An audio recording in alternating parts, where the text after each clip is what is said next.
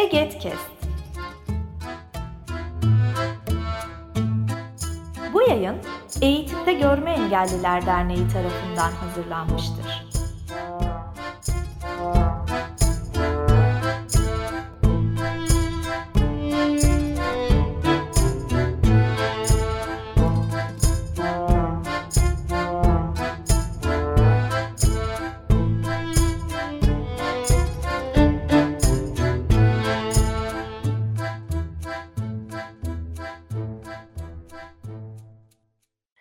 Herkese merhaba. Eget Kest'in Kariyer Öyküleri serisinin yeni bir bölümünde beraberiz ve bu sezonun ilk bölümü, bu çalışma dönemimizin ilk bölümü.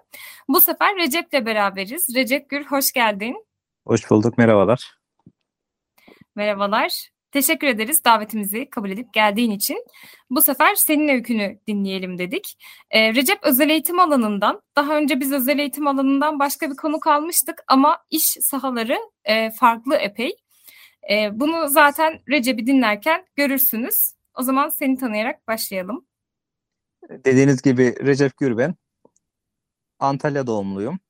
İlk öğretimimi ve liseyi Antalya'da okudum kaynaştırma öğrencisi olarak. Bu arada %100 görme engelliyim.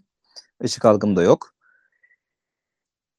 Daha sonra 2009 yılında Gazi Üniversitesi Görme Engellilerin Eğitimi Ana Bilim Dalı'nı kazandım. Görme Engelliler Sınıf Öğretmeni diye geçiyordu o zaman. 2013 yılında mezun oldum. 2013'ten 2015'e kadar öğretmenlik yaptım, özel öğretmenliği. 2015 yılında da Milliyetin Bakanlığı'nın açtığı sınav sonucunda Milli Eğitim Bakanlığı Özel Eğitim ve Rehberlik Hizmetleri Genel Müdürlüğü'nde uzman yardımcısı oldum. Yaklaşık bu süreç 5-6 yıl devam etti ve en sonunda da bu yıl uzman olarak görevime devam ediyorum. Bu arada 2019 yılında da yine Gazi Üniversitesi Görme Engelliler Eğitiminde yüksek lisans yaptım. Güzel bir akış gerçekten bunu duymak. Ee, peki bunlara nasıl karar verdin? Eğitim ve iş yolculuğunda karar vermek nasıldı senin için? Neler etkiledi? Nelere göre seçtin? Bunlar nasıldı? Yani ilk bölümü düşünecek olursak hani niye bu bölüm derken o zamanlarda biraz daha hani garantiye gitmeyi düşündüm. Ee, iş bölümün önü açık olarak gördüm. Rahat atanabilirim diye düşünmüştüm. O zamanlarda şimdiki gibi e-KPSS sonucunda öğretmen atamaları falan da yoktu tabii. Onun için KPSS'ye girmek zorundaydık. İşte diğer şartlar bizim için de geçerliydi.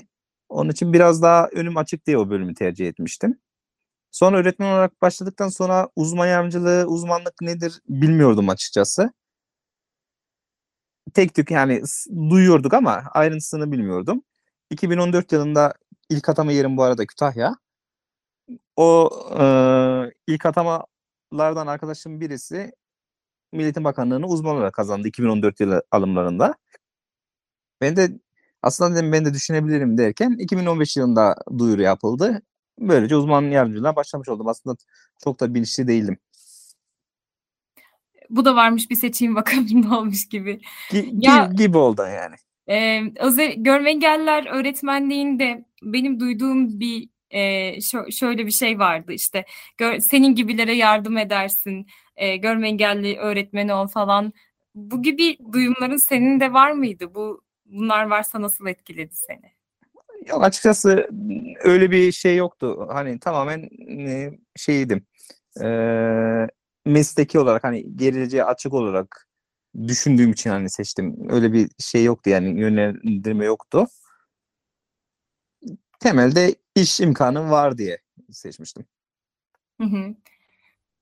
Güzel. Ee, peki şu anda ne yapıyorsun ee, iş deneyimi açısından? Yani aslında biraz e, şeyden e, daha biraz geriye sararak başlarsak uzman yardımcılığı sınavı dedin ya e, bu nasıl bir sınav ve e, nasıl yeterlilikler gerektiriyordu? Ya önce şöyle diyeyim, hani uzman yardımcılığı nasıl oluyor diye. Ee, her işte bakanlıklar veya bağlı farklı kurum kuruluşlar duyuruya çıkıyorlar. Bu duyuruda da istedikleri KPSS puanı ve de şeyi açıklıyorlar. Hani hangi bölümden kaç tane aday alacaklarını. Onun sonucunda da işte mülakat. Bazıları hem mülakat yapıp hep yazılı sınav yapıyor bazı birimler. Ee, bazı birimler örneğin İngilizce'de YDS'den basitçe C düzeyinde hani 70 puan alma zorunluluğu var. Bazıları duyuru çıktığında bu şartı istiyor. Bazı kurumlar da önce seni uzman olarak alıyor. Uzman yardımcısı olarak daha sonra bu puanı yerine getirmeni istiyorlar. Benim e, girdiğimde İngilizce sorunu yoktu. Yani ileride verirsin gibi. Yeterlilik sınavın bittikten sonra olur gibi vardı.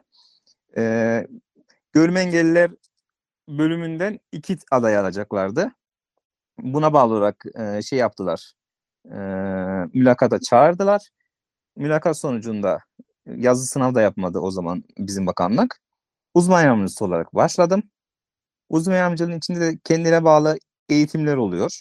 Eğitimler bitince bakanlık için bir tane bakanlığa özgü bir tez yazmamız gerekiyor. Tezi yazdıktan sonra eğer kabul edilirse yeterlilik sınavı oluyor.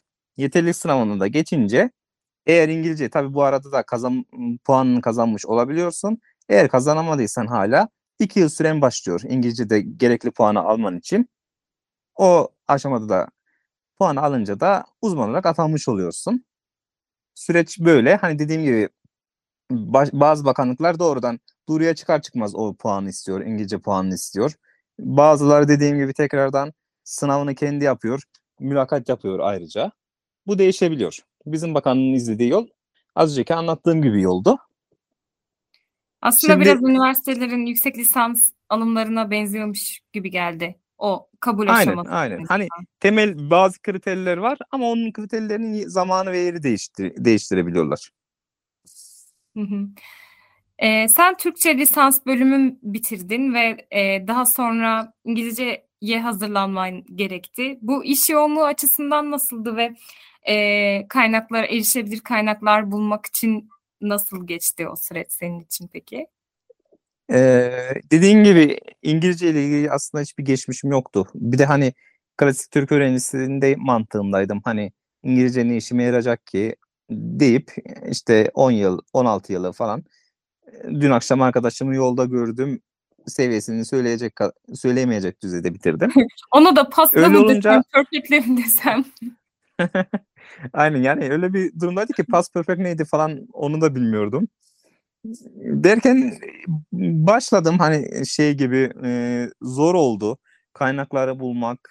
Tabii her mesela kurs e, arkadaşların gidiyor şu kurs iyiymiş diyorlar mesela. Çok güzel hemen ben geçtim diyor. E o kursa gitmek istiyorsun. Doğal olarak onlar yardımcı olamayız, olamayız diyorlar. Bu noktada erişilebilir kaynak ar- arama şeyine serüvenine giriyorsun. İşte bu süreç bir de İngilizcenin YDS'nin ne olduğunu bilmeyince biraz serseri kurşun gibi oluyor önce. Önce neyle karşılaştığını, nasıl başa çıkmadan gerektiğini bilemiyorsun. Bu süreç beni uzunca e, e, zamanımı aldı. Bir de e, ne yani cahil özgüvenli dediğimiz şey vardı galiba. Hani ya nasıl olsa yaparım gibi bir mantıktaydım. Ama ilk girdiğim sınavda yapamayacağımı anladım yani çok zor oldu, zor oldu. Ee, bir yılım işte gerçekten zor geçti yani hayatımın en zor dönemiydi yani benim bir şeyi ilk kez bu kadar çok zorladı. Çünkü benim hiçbir zaman dil becerimin olduğunu düşünmüyorum açıkçası. Yani bazıları yatkın olur. Benim hiç öyle bir düşüncede değildim. Öyle olunca da e, zorlandım. İşte bu süreçte de YouTube'daki bazı kaynaklar yardımcı oldu. Hem PDF'i olup Word olan hem de hocanın anlattığı kaynaklar falan bunları bulunca biraz daha önüm açıldı diyebilirim. Deneye deneye elektronik YDS ile uğraştım. Dört defa girdim galiba. En sonunda başarabildim. Ya kendi, kendi İngilizce deneyimime çok benziyor ama benimkinde sonuç yok. Başı aynı sadece. Ya orada hani temel mantık şu. Ben zorunluydum yani. Gerçekten yapmam gerekiyordu. Çünkü yılların emeği her şey boşa gidecekti. Onun için doğal olarak akşam yat İngilizce, sabah kalk İngilizce bunu yapmak zorundaydım. Hani senin psikolojini de anlıyorum, başka psikolojiyi de anlıyorum. Hani ya ben bir de arada İngilizce çalışayım, aslında yüksek lisans yapmak istiyorum, doktor yapmasam çok güzel olur.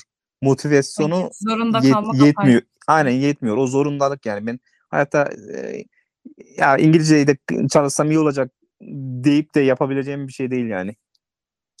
Evet, yani kimisinin ilgisi olur ve bu doğal Ha, bir aynen. motivasyona dönüşür ama kimisi de ben gibi işte sanki mi?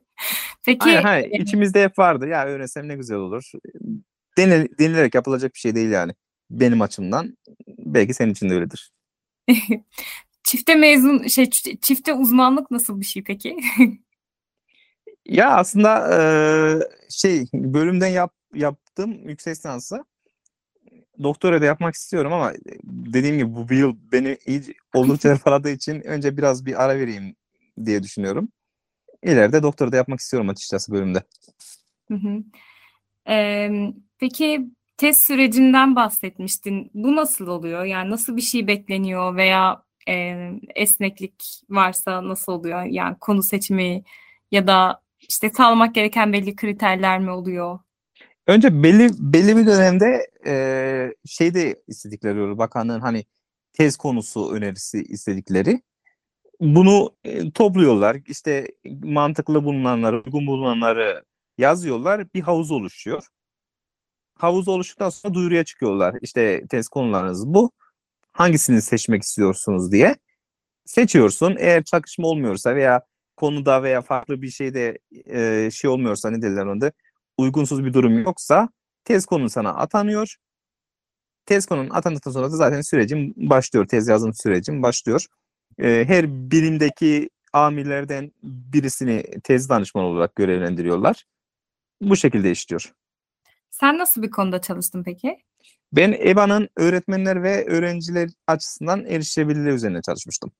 Ah bizim de pek çok bölümümüzde geçen bir konu. Aynen. işte ona Özellikle çal- pandemide kapsayıcılık mıydı? Neydi serimizin adı? Aynen bu Unuttum. pandemiden önceydi bu. Hmm, Tabii o zamankiler sürekli değişiyordu ama ona çalışmıştım yani. evet.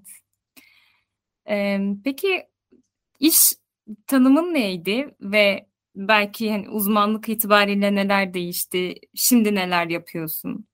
Ya şöyle, e, uzman yardımcılığıyken m, daha sonra uzman olunca aslında iş yaptığın iş konusunda bir değişen bir şey yok, olmuyor.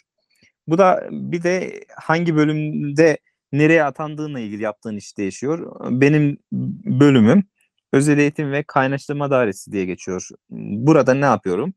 İşte bölümümüzle ilgili hizmet içerilerinin ayarlanması, düzenlenmesi, programların yazılması, işte dairelerin kendi görüşleri oluyor. Hani eee sahadan gelen görüşler, bunların oluşturulması, diğer işte genel müdürlüğün yaptığı mevzuatsal düzenlemeler, bunların hazırlanması gibi aşamalarda görev alıyorum. Yani bir sürü şey ne kadar yoğun oluyordur diye Ya düşündüm. zaten hani öbürkü dediğiniz gibi illerden gelen hani talepler, şikayetler falan onlar zaten ayrı konular. Peki e, böyle ya şikayetler falan olabilir ya da e, mevzuatla ilgili falan unutamadığın ilginç ya da sana komik gelen bir anı var mı bilmiyorum. Şey gibi oldu sanki bir gezi anısı anlatıyormuş gibi oldu ama şikayet deyince böyle değişik şeyler gelir ya oradan canlandı bu soru aslında. Atlayabiliriz istersen. Ya bir ara Cimer'e bakmıştım. Ee, ne olmuştu? E, Denizli'de bir adam işte o çocuğunla ilgili sıkıntısını belli, belli etmiş. Ondan sonra tam ama durum anlaşılmıyordu. Hani tam ne ne talep ettiğini de anla- anlayamamıştım. Aradım. Dedim ki ben hani sizi Cimer başvurunuz üzerine aradım. İşte tam olarak nedir durumunuz dedi. Adam anlatmaya başladı işte. Biz Denizli merkezde yaşıyorduk. Daha sonra e, işte şimdiki oturduğumuz yere taşınmak zorunda kaldık. Taşındık. İşte e, oraya belediye bir tane çöp kovası koydu falan. Ben düşünüyorum acaba diyorum çocuklarla ne alakası var şimdi çöp kovasının falan. Anlatıyor işte bir gün diyor komşum o çöp kovasını kaktırdı diyor. İşte falan böyle devam ediyor sürekli. En sonunda diyor valilik diyor yapmadı falan diyor.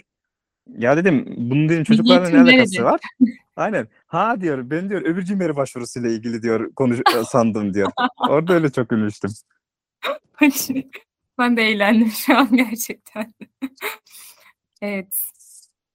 Ee, peki görme engelli olduğunu söyledin. Ee, Hı. en baştan beri e, yani belki bakanlığa atanma süreci ya da hani öğrencilik yani bütüncül değerlendirebilirsin bunu. Ee, bununla ilgili deneyimlerin nasıldı? Yani bölümü oku, okurkenden e, iş deneyimine doğru e, ya e, ya erişilebilirliğe dair sana zor gelen ya da aslında e, hiç de sanıldığı gibi olmayan diyebileceğin neler vardır? Yani bölüm zaten doğrudan kendi bölüm kendi yaşadığımız bölümle alakalı olduğu için aslında zorlanmıyorsun. Hani e, belli yaşadığın şeyleri akademik e, teorik bilgiyle birleştiriyorsun. O konuda hem avantajlı ve zevkli gibi geldi bana. E, çalıştığım yer arasında aslında özel eğitime çok uzak bir alan olmaması da biraz avantajım olmuş olabilir. Çünkü doğrudan çalışma sahamız bu. İşte nedir? İnsanlar belli konularda şikayetini dile getiriyor veya bir şeyler anlatıyorlar. Aslında o anlattıkları şey senin yaşamış olduğun şey oluyor. Bu konularda da hani insanları anlama konusunda da daha yardımcı olabiliyorsun. Anladığını düşünüyorsun. Anla çünkü senin yaşamış olduğun şeyler oluyor. Erişebilir konusunda doğal olarak hani ilk de mesela göreve başladığımda DYS sistemini kullanıyorduk. İlk başladığımda erişilebilir Bu arada DYS e, Milli Eğitim Bakanlığı'nın ve sanırım başka yerlerinde kullandığı bir sistem değil mi? Aynen, aynen elektronik sistem. 2015 yılında atandığımda erişilebilir değildi. O zaman şöyle sıkıntısını yaşamadım. Benim ilk başladığım birimde DS çok kullanılan bir şey değildi. Ama mesela şimdiki birimde çok yoğun kullanılıyor. Aynı sıkıntı, erişilebilir olmama sıkıntısı bu noktada devam etseydi gerçekten yani biraz daha sıkıntı, psikolojik olarak sıkıntı yaşayabilirdim. O konuda bir avantajım oldu. Öbür türlü erişebilir konularında da hani çıkıyor ama böyle hani sistematik olarak e, değil yani bu DS'nin erişebilir olması bir avantaj oldu. Ee, güzel. Yani sistematik olarak sorun karşıma çıkmıyor diyorsun. Yani tek tük yani. ha, her, her birimizin hayatta yaşadığı şeyler oluyor ne bileyim. Farklı Peki bir zaman. bunlara dair neler yap- yapıyorsun? Nasıl aşıyorsun? Ee, mesela belki bölümü düşünen ya da bu iş alanını düşünen birileri vardır. Onlar için de böyle minik bir iki örnek olur belki. Yani ben hani e, insanlarla iletişim kurma konusunda falan sıkıntım olmadığı için hani e, zorlandığım noktalarda direkt hani başkasından yardım alma konusunda e, şeyim olmuyor. Hani sıkıntım olmuyor. Her şeyi sonuçta ben yapmak zorunda değilim. O erişilir noktasında başkaları devreye giriyor. Ya bu söylediğin çok önemli. Her şeyi ben yapmak zorundayım gibi hissediyoruz ama ben bazen görüyorum ki insanlar birbirinden çok temel konularda yardım alabiliyorlar ve bu kötü bir şey değil. Ee, ama bazen e, bizim, bazen onların bize yardım etmesi aslında dayanışma gibi. Bu çok kıymetli gerçekten. A- aynen öyle. Çünkü hani zaten gözlemleyince de herkes her şeyi yapamıyor yani sonuçta. Ne bileyim Excel oluyor. Biri birinden yardım istiyor. Öbürkü farklı bir şekilde ya yardım isteyebiliyor. Ha oradaki tek can sıkıcı nokta şu olabiliyor. Hani senin aslında rahatça yapabileceğin o e, altyapın her şeyin tamam olduğu oluyor. Ama sırf erişebilirlik sıkıntısı olduğu için onu yapamadığın için moral bozucu olabiliyor. Ama dediğim gibi hani şey yani biraz iletişimle onu giderebiliyorsun. Bir de benim avantajım şöyle oldu. Bilgisayarla geçmişten beri haşır neşir olduğum için yani bu tür şeylerin çoğunun üst, üstesinden gelebildim yani. Eğer böyle masa başı iş dediğimiz şeylerde çalışan bir kişi olacaksak bilgisayara biraz daha yoğunlaşmamız lazım. Evet kesinlikle. Ben de tam lafı oraya getirecektim. Ee, engelli olan veya olmayan e, veya görme engelli olan olmayan e, özel eğitim e, bu arada eskiden görme engelliler öğretmenliği diye ayrılıyordu ama artık bütüncül. E, bu alanı ya da görme engeller dalını tercih etmek isteyen ya da senin iş alanı tercih etmek isteyen insanlara e, tavsiyelerin ne olabilir? Ne söyleyebilirsin? Ya zaten e, hani şey klasiktir. Ben bu işi yapmak istiyor muyum? İstediğim böyle bir şey mi yoksa öğretmenlik mi? Bunu zaten önce düşünecekleri şey o. Daha sonraki aşamada da e, dediğim gibi bilgisayar çok önemli. Bilgisayar kullanımı, teknoloji kullanımı çok önemli. Çünkü e, şey noktasında sıkıntı olabiliyor. Hani insanlar birbirine yardımcı olabiliyorlar ama sen bilgisayar becerinliği değilse ne, ne şekilde yardım e, isteyeceğini bilmiyorsan teknoloji konusunda da hani sıkıntı yaşayabilirsin. O konuda hani biraz daha teknoloji becerilerini geliştirmek şart. Kesinlikle. Belki kariyer öykülerinde yaptığımız pek çok bölümde bu geçmiştir. Ya işte zaten hani bizim eğitim sistemimizin temel sıkıntısı bu. Ee, artık günümüzde bir görme engelli için en önemli olan şey teknoloji kullanımı, yardımcı teknoloji kullanımı. Ama ne okullarda ne başka bir yerde sistematik olarak düzenli bir teknoloji öğretimiyle ilgili hiçbir ders yok. Yani bu konuya kazandırılması gereken bir ağırlık verilen bir durum yok. Tamamen hani bireysel becerilerimiz, şansımız gibi faktörlerle teknolojiyi kullanmaya devam Hı hı. ediyoruz. Öbür türlü zaten e, aslında şöyle bakıyorum, gözlemliyorum. Öyle çocuklar, parlak çocuklar oluyor ki aslında teknolojiyi de bilseler bambaşka bir dünyalar olacak. Sırf teknolojiyi rahatça kullanamadıkları için, bilmedikleri için biraz daha o güç, var olan gücünü %50 kullanabiliyorlar. Yani evet. Ya ekleyebileceğim hiçbir şey yok bu konuyla ilgili aklıma gelen tam olarak öyle hakikaten. Peki çok teşekkür ediyorum tekrar Rica davetimi ederim. edip geldiğin için. Ee, o zaman şimdilik görüşmek üzere diyelim. İyi günler, kolay gelsin.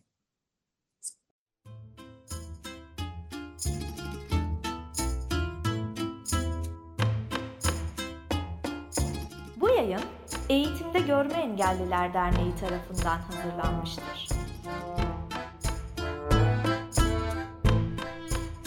Web sitesi eget.org Mail bilgi.eget.org Facebook Eğitimde Görme Engelliler. Twitter et Eget İletisim. Instagram Eğitimde Görme Engelliler